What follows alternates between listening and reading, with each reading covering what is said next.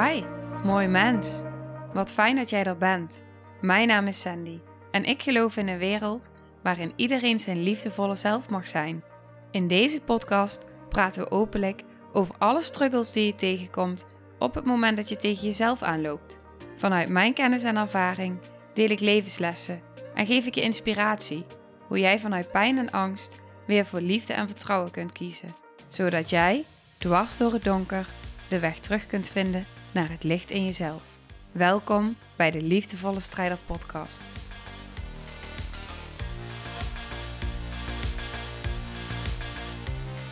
Hulp durven aannemen. Al is het maar van een soort hulpbron. Is dat iets wat jij doet? Is dat iets wat jij kunt? Is dat iets wat jij durft? Of heb jij ergens nog diepe overtuigingen dat je het toch allemaal alleen moet doen? Dat je het alleen moet kunnen? Dat je sterk moet zijn? Dat je anderen niet lastig mag vallen, niet mag klagen, dat je er alleen voor staat? Of is jouw overtuiging: nee, er staat altijd wel iemand voor mij klaar? Dus wat is jouw waarheid hierin? En zijn dat dan gedachten vanuit je volwassen, liefdevolle deel? Of zijn het overtuigingen vanuit jouw innerlijke kind? Vanuit dat pijnkind? Want als er misschien in je kindertijd een moment was waarop je veel pijn ervaren, dan zijn dat de momenten waarop zo'n overtuigingen worden geboren. Ik herken bijvoorbeeld ook de overtuiging van je moet sterk zijn, je moet het alleen kunnen. Je mag anderen niet lastig vallen als je klaagt dan bij een aansteller. Dat soort overtuigingen. En hoeveel effect heeft dat dan op de verbinding met jezelf of met anderen? En dat is waar ik het in deze aflevering met je over wil hebben. Want ik herken het zelf, maar ik zie het dus ook heel veel bij anderen in sessies gebeuren. En daarom dacht ik: wow, er zijn echt veel mensen die zich hierin kunnen herkennen. En dat maakt dat ik het interessant vond om deze aflevering hierover op te nemen. Want wat ik in een sessie altijd vraag is: heb je een soort van hulpbron die je in gedachten kan nemen? En dat kan dan van alles zijn. Dus ik geef al verschillende opties. Bijvoorbeeld iemand die dichtbij staat, die je in gedachten kan nemen. Of iemand die belangrijk voor je was, die is overleden. Of een dier, een overleden dier. Of letterlijk een fysieke knuffel die ik je kan aanreiken. En vooral op het moment dat jij wordt geraakt in zo'n sessie, in diepere delen, in kindpijn, in trauma, dan, dan kan zo'n hulpbron en of er nou iemand is in gedachten die je bij je kan nemen, of een knuffel of wat dan ook, kan gewoon heel veel steun geven. Juist omdat het dan zo kwetsbaar is, omdat je eigenlijk op je meest kwetsbare bent op zo'n moment. En wat mij dus opvalt, is dat mensen hier dus vanuit die eerste reactie, want ze zitten dan al, ik, ik vraag het op het moment dat ik voel van oké, nu is het, ehm, is het het moment om het te gaan vragen, want dan voel ik dat het intenser wordt. En wat dan dus opvallend is, is dus dat mensen vanuit dan die eerste reactie, en dat is vaak dus een meer een primaire reactie. Dus niet vanuit je liefdevolle volwassen deel, maar vanuit dat kindsdeel of een gewond deel of niet. En dan komt er dus vaak ehm, ja, een reactie wat heel veel zegt over het feit of ze hulp durven aannemen. En dat is dus al meteen heel erg interessant, want hè, soms krijg ik dus echt letterlijk het antwoord van ja, hoezo, ik moet het toch allemaal alleen doen. Nee, ik kan niets of niemand bedenken. Ik sta er alleen voor. En dat besef is al een, ja, een stap, zeg maar. En wat daarin dan ook interessant is, is dat dus die beweging vervolgens durven en kunnen maken om dus wel hulp aan te nemen, dat je het dus nu niet alleen hoeft te doen, is al enorm helend. Zelfs al is het maar de hulp van een knuffel. Ik heb ook ooit echt gewoon, ik zal daar ook voorbeelden geven, maar ik heb er dus ook ooit echt gewoon een halve sessie aan gewijd. Uh, aan hoe diep dat stuk ging. En hoe belangrijk het was om die beweging te maken, om die hulp aan te nemen van een hulpbron. En zelfs al is dat dan dus letterlijk die knuffel bij je pakken, om te voelen van ja, ik hoef het niet alleen te doen. En misschien denk je nu wel vanuit je, hè, je volwassen deel of vanuit een ander deel waarmee je luistert van ja, uh, oké, dat is raar. Maar juist op het moment dat jij in diepere stukken wordt geraakt en dat jij daar ligt in die kwetsbaarheid, dan voelt zo'n, bijvoorbeeld zo'n knuffel of een andere hulpbron, voelt heel erg veilig. En dat durven aannemen, kunnen aannemen, verandert iets in jou. Het verandert iets in de verbinding. En dat kan dan vervolgens ook weer op, op hele andere lagen in je leven een effect hebben en doorwerken. Want stel je voor dat je altijd maar het gevoel hebt dat je het allemaal alleen moet doen, dat er geen hulp voor jou is. Dan ga je ook continu uit verbinding met die ander, omdat je eigenlijk al die overtuiging hebt, je bent er toch niet.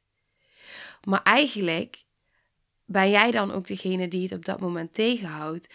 Want jij stapt ook niet in de verantwoordelijkheid op dat moment. En dat is onbewust natuurlijk en heel herkenbaar. Maar je stapt dan eigenlijk ook niet in de verantwoordelijkheid om te kunnen en durven vragen van... hé, hey, hoe fijn zou het zijn als jij me hierbij wil helpen? Dat ik dit niet alleen hoef te doen. Dat, dat, dat ik niet leef om alles alleen te hoeven doen. Dat dit niet de bedoeling is. Dat ik best hulp mag vragen. En dat die ander dat heel graag wil geven. En dat die ander dan dus ook voelt van wow, jij vraagt gewoon om hulp. Dus ik hoef me ook geen zorgen te maken dat jij dat niet doet. Dat jij over je grens gaat. En dat je me wegduwt. Bijvoorbeeld, ik zal eens twee voorbeelden geven vanuit zeg maar een sessie. Ehm, als ik dan bijvoorbeeld voel dat er dus heel veel spanning is, zeg maar, en dat ik dus die onderliggende strijd voel tussen die verschillende delen, waarbij er dus sommige delen zeggen van ja, kom maar dichterbij, en andere delen zeggen van ja, nee, stop. Ik heb daar ook een aflevering over opgenomen. Ehm, dus als je dat interessant vindt, kun je die ook echt luisteren. Dat is nummer 46, aantrekken en afstoten. Ehm, maar wat dus daarin dus belangrijk is op zo'n moment dat ik dat dus voel, dat ik die strijd al innerlijk voel en die energie verandert, dan vraag ik dus om een hulpbron. En wat er dus op dat moment gebeurde was dus dat, uh, dit is dus een, iemand die dus op dat moment wel hulp kon aannemen. En benoemde van nou, ik zou heel graag dus die knuffel willen. Maar ik besefte dus ook op het moment van oké, als ik nou die knuffel ga aanreiken, moet ik dus dichterbij komen. Terwijl ik dus in die energie die strijd heel erg sterk voelde. Dus dan wordt die knuffel pakken en bij iemand neerleggen en dus dichterbij komen is ook al een hele stap. En dat is dan waar ik dus heel veel erkenning aan geef aan die delen. Ik stap niet zomaar ergens overheen. Ik geef aan dat ik het voel, dat ik voel hoe spannend het is, dat ik voel wat er gebeurt. En ik geef aan dat ik dus dichterbij kom om die knuffel aan te reiken. En vervolgens kan ik dan weer rustig naar achter bewegen. Maar wat er dan dus verandert, wat er dan verandert, er verandert dan al iets in de energie. En bij, bij deze persoon voelde zij dus heel sterk van, hè, ik had vroeger ook altijd knuffels. En daardoor had ik het gevoel dat er iets of iemand bij je is. En dat gaf heel veel veiligheid en bescherming. En daardoor kwam er veel meer ontspanning en nog meer ontspanning en zachtheid. En kon het er gewoon allemaal zijn en voelde ze zich zo gerustgesteld dat er zoveel veranderde op dat moment in de energie dat, we weer eens, dat het weer veiliger werd. En die veiligheid is de allersterkste en, en belangrijkste basis van alles. Want voor heling en om, om, om dieper in verbinding te komen met die kwetsbaarheid in jezelf, is juist die veiligheid zo ontzettend belangrijk. Dus dat is wat zo'n knuffel kan doen. Ik heb ook wel eens gehad met iemand dat ik dus bijvoorbeeld een hulpbron aanbied, bijvoorbeeld een knuffel, hè, en dat diegene dan heel sterk voelt: nee, nee, ik moet het alleen doen. En dan ga ik dus op dat moment doorvragen: van oké, maar als je dit dan zo zegt, verandert er dan iets in je lichaam? Wat doet dit met je? Ja, oké, ja, ja, ja, ik vind het stom. Ik vind het gewoon stom. Oké. En welk deel in jou is dat die dat zegt? En dan wordt het duidelijk wat er op dat moment in haar gebeurt. Hè, een deel die zegt van nou neem gewoon hulp aan. En een ander deel wat zegt je hebt geen hulp nodig. Waarop ik op zo'n moment dan doorvraag van oké, moest jouw kleine jij, ik noem dan altijd de naam, moest die het ook alleen doen? En dan komt er een ja, en dan komt er een stilte en dan wordt het dieper. En nou, daar gaan we dan dus zeg maar, uh, dan gaan we verbinding maken met dat innerlijke kind op dat moment. Van oké, maar als jij nu vanuit je volwassen zelf iets tegen haar zou mogen zeggen of iets zou willen doen, zou je dan willen zeggen je moet het alleen doen of wat zou je dan willen zeggen of doen? En wat er in dit geval kwam was, ik zou heel graag de knuffel willen aanreiken. En doordat ze dus zo in die verbinding is met dat innerlijke kind, kan ze het ook weer vanuit een ander perspectief op dat moment zien. En ik ga dan dus heel voorzichtig in dat proces uiteindelijk die knuffel bij haar neerleggen. En um, waar ik ook benoem van je mag alles doen wat je voelt. Dus als je voelt dat je hem wil weggooien of wat dan ook, het mag allemaal. Het is allemaal goed. En dan is er heel veel ruimte en stilte op dat moment. En daarin gebeurt zoveel. En wat in dit geval uiteindelijk gebeurde, was dat zij dus, eh, nadat ze heel veel tijd daarvoor nam, die knuffel langzaam in haar armen sloot. En dat was zo'n bijzondere en belangrijke beweging. En ik geloof dat dit soort bewegingen, dit soort kleine tussen haakjes, uh, dingen, want eigenlijk zijn deze dingen enorm. Want op dit moment zeg je letterlijk tegen je innerlijke kind, tegen dat kind wat nog gewond is, wat pijn heeft, je mag hulp aannemen. En dat werkt gewoon door op jouw volwassen deel. En da daar zit zoveel kracht in. Dat, dat, dat, ja, ik, ik vind dat zo bijzonder en mooi om te mogen ervaren. Want op het moment dat jij in je, hè, vanuit je volwassen deel nog steeds die kindpijn hebt, dan blijf je dus eigenlijk onbewust en misschien ook wel bewust de ander afstoten. Maar je blijft ook jezelf klein houden.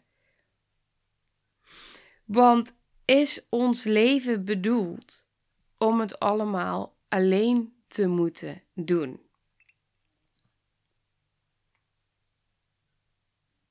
En hoe anders is het als jij dus wel hulp durft te vragen of durft aan te nemen? Want is dat dan niet juist enorm jezelf in je kracht zetten? En ook op het moment dat jij durft te zeggen van oké, hier ligt echt mijn grens. En of dat nu is bij één persoon of misschien wel in groepsverband, hè? In, in een teamverband kan het ook zo zijn. Dan wil je het ook misschien heel graag goed doen voor de hele groep. En jij wil niet degene zijn die misschien achterloopt of die het misschien niet kan. En dus ga je misschien over je grens heen. Terwijl op het moment dat jij durft aan te geven van ja, dit, hierin heb ik... Ik heb ooit een Viking run gedaan. Nou ja, het was niet de Viking run. Het was een obstacle run. Het heette de Nielsdal Run of zo, geloof ik. En dat is al jaren geleden. En dat deden wij ook in een groep. En er zaten in die groep heel veel mannen. En er waren gewoon een paar obstakels. Ja, ik kwam er gewoon niet overheen. ik kreeg het gewoon niet voor elkaar. En op dat moment waren er gewoon een paar mannen. En die pakten mij op. En die hielpen mij eroverheen. Maar hoe fijn is dat? Dat je dat samen kan doen. Dat je hè, met, met elkaar blijft rennen. En met elkaar over die obstakels heen gaat. En dat je elkaar ondersteunt. En dat je hulp mag vragen. En dat je elkaar in de kracht zet. En ik voelde me daarna echt gewoon alsof ik de wereld aankon. Want kijk eens wat ik had gedaan. En kijk eens hoe ver ik was gekomen. En dat was niet gelukt op dat moment zonder die hulp van die mannen. Misschien uiteindelijk wel. Uh, geen idee. Maar het was gewoon heel fijn, ook voor de verbinding, om te ervaren wat dan die kracht is van het in een groep dat samen doen. En ook elkaar daarin mogen ondersteunen en helpen. En is dat niet ook wat in het leven zo belangrijk is? Dat je niet altijd maar die ander afstoot van ik doe het wel alleen, maar dat je letterlijk hulp mag vragen, waardoor je eigenlijk jezelf ook echt in je kracht zet. Want op het moment dat jij tegen jezelf blijft zeggen: Ik moet het allemaal alleen doen en al, alles vanuit die kindsovertuigingen, dan blijf je ook eigenlijk in die kindspijn ja, zitten. Dus juist letterlijk die verbinding durven aangaan, dan maak je zo'n andere beweging. Je maakt eigenlijk een beweging naar samen een beweging naar hulp. En juist dat is ook wat anderen voelen. En anderen zullen dan ook gewoon voelen van ja, ze geeft het wel aan. Of hij geeft het wel aan. Ik heb ook een voorbeeld van mezelf.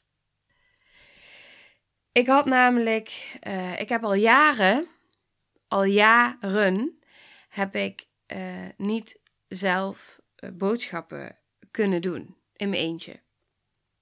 Want als ik in de supermarkt kwam, dan werd ik extreem. maar echt extreem. Maar dat is langzaam door de jaren heen steeds beter en beter en beter geworden. Maar ik werd echt extreem overprikkeld.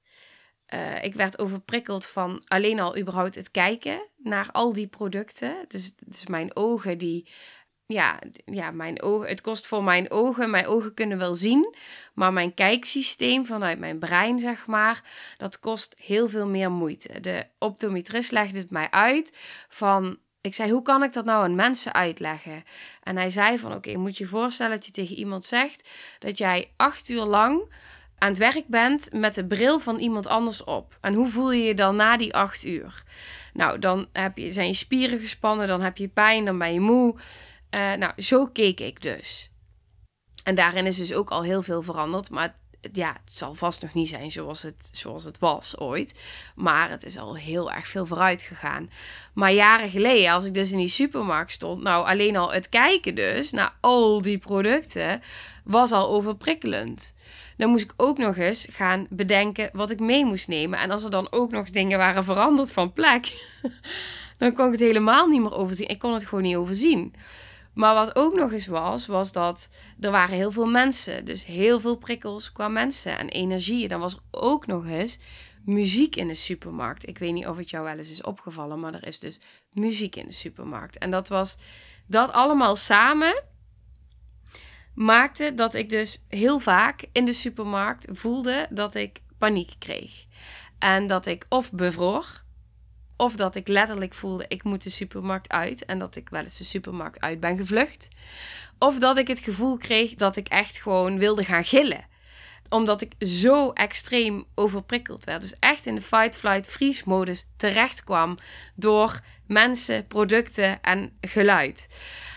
Wat op dat moment gebeurde, was dat ik in die tijd dus echt de steun nodig had van degene met wie ik in die supermarkt was. Dus soms letterlijk de schouder vastpakte of de arm of aan mijn winkelmandje helemaal gekluisterd zat, zeg maar. Ja, helemaal in spanning, mijn hele lijf gespannen door die vele prikkels waardoor ik werd overvallen en die ik op dat moment niet kon handelen. En dat is dus waar ik uh, vanaf kwam.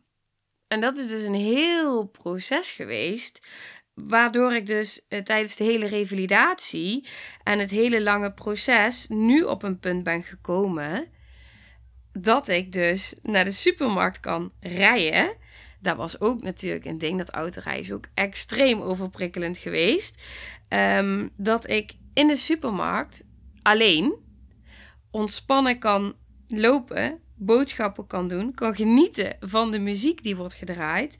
En dat ik niet voel dat mijn hele lichaam in, in spanning zit, maar dat het gewoon bijna weer normaal is. Dat ik weer ben op het punt waar ik ooit was. En ehm, ik had nu dus zelf boodschappen gedaan. En dan voel ik dus enorme trots van oké, ik rij naar de supermarkt, ik doe de boodschappen, ik rij ook weer terug. Nou, ik tilde dus mijn boodschappentassen ook zelf in de kar. Ik ben hoogzwanger. En ja, officieel mag je dus niet de zware tassen tillen.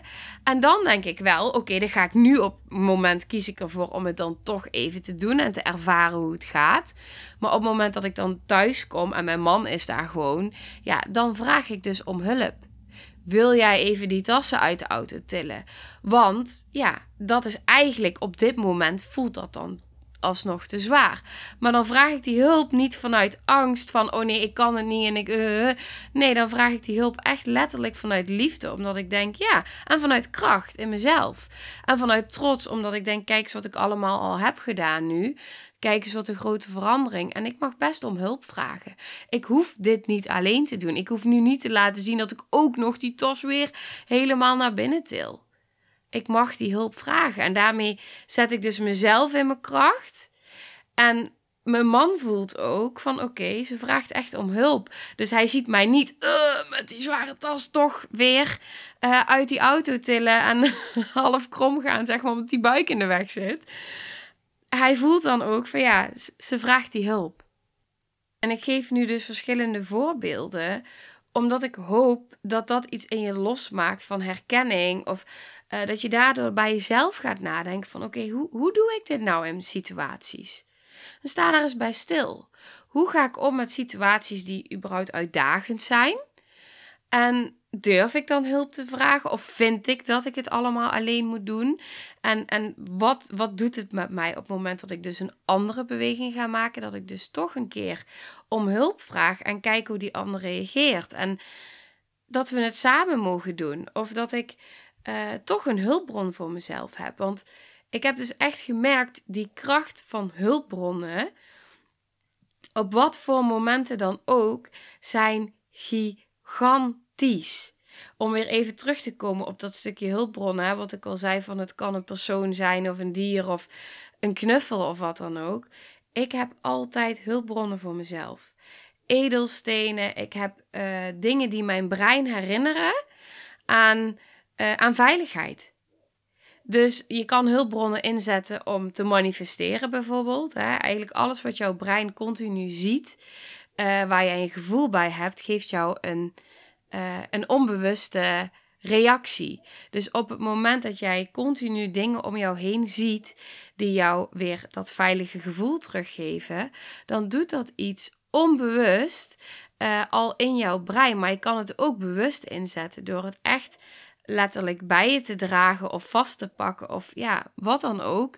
Waardoor je steeds weer herinnerd wordt aan het feit dat het veilig is. Of aan het feit dat je, dat je er niet alleen voor staat. Ook al is het dan maar hulp van een hulpbron. En ik zeg nu maar, want het lijken zo'n kleine dingen te zijn. Maar geloof mij, die kleine dingen kunnen zoveel impact hebben op jouw gevoel, op jouw brein op, ja, op jou. Dus ook daarin ga eens kijken wat voor jou mogelijke hulpbronnen zouden kunnen zijn, die jou een gevoel kunnen geven van, nou, veiligheid of van vertrouwen, van rust, van dat wat jij graag wilt ervaren. Want ik heb dus ervaren dat het echt, echt, echt werkt. En ook als ik een sessie heb waar ik één hulpbron heb voor de cliënt, heb ik er tien voor mezelf. Zodat ik, die, dat ik mezelf goed kan reguleren en dat ik die veiligheid in mezelf voel, zodat ik ook de ander mee kan reguleren. Maar ik heb ze dus overal. Dus ook nu op het moment dat ik deze podcast opneem, kijk ik letterlijk naar hulpbronnen om me heen. Ik heb een kaart waar ik naar kijk die me veiligheid geeft. Ik heb een, uh, een intentiekaart waar een spreuk op staat, waar ik altijd um, ja, weer vertrouwen doorvoel en, en kracht voel. Ik heb affirmaties voor me hangen. Ik heb edelstenen bij me liggen. Ik heb overal om mij heen heb ik bepaalde hulpbronnen. Niet dat ik nu voel dat ik die op dit moment nodig heb, maar onbewust kijk ik om me heen en onbewust komt het wel weer op die diepere lagen binnen. En heeft dat gewoon een effect. Dus ja, verschillende onderdelen in deze aflevering. Zowel hulpvragen als overtuigingen, als hulpbronnen. Als uh, ja, eigenlijk alles om maar jezelf in je kracht te zetten. Om die verantwoording te kunnen nemen over je eigen leven en om verbinding te ervaren met zowel jezelf als anderen. Dus ik hoop dat jij hier waardevolle tips uit kan halen voor jezelf. En als je meer ergens over wilt weten, of je bent ergens door getriggerd, of je hebt nu vragen gekregen, of nou, voel je echt vrij. Ik blijf het in bijna elke aflevering benoemen. Voel je echt vrij om mij een berichtje te sturen, want het is helemaal welkom. Dus dank je wel voor het luisteren. En ja, ik, ik ben gewoon heel benieuwd wat je ervan vindt. Ik vind het super tof om er iets over terug te horen. Dus uh, ja, dank je wel in liefde.